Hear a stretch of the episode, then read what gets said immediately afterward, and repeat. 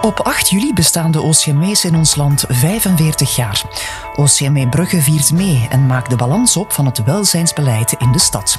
Voor een nieuwe Mintus-podcast gaan we in gesprek met voorzitter Pablo Anis en algemeen directeur Christian Filet. We zijn geëvolueerd naar een modern, transparant bedrijf en geen statische overheidsinstelling. Ja. We zijn er voor de mensen, we zijn er niet voor onszelf. We hebben het over een veranderende samenleving en welke rol het OCME daarin vandaag speelt. De noden zullen er altijd zijn. De noden veranderen wel. Hè. Ook uw maatschappij verandert. Maar je ziet wel tendensen. Hè.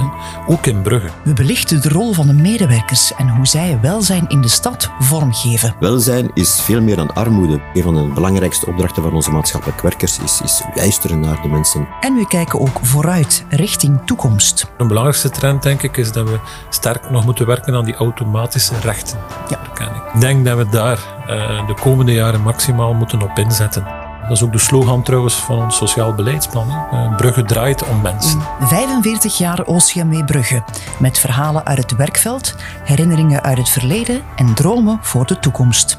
Beluister de nieuwe Mintus podcast vanaf 6 juli in jouw favoriete podcast-app.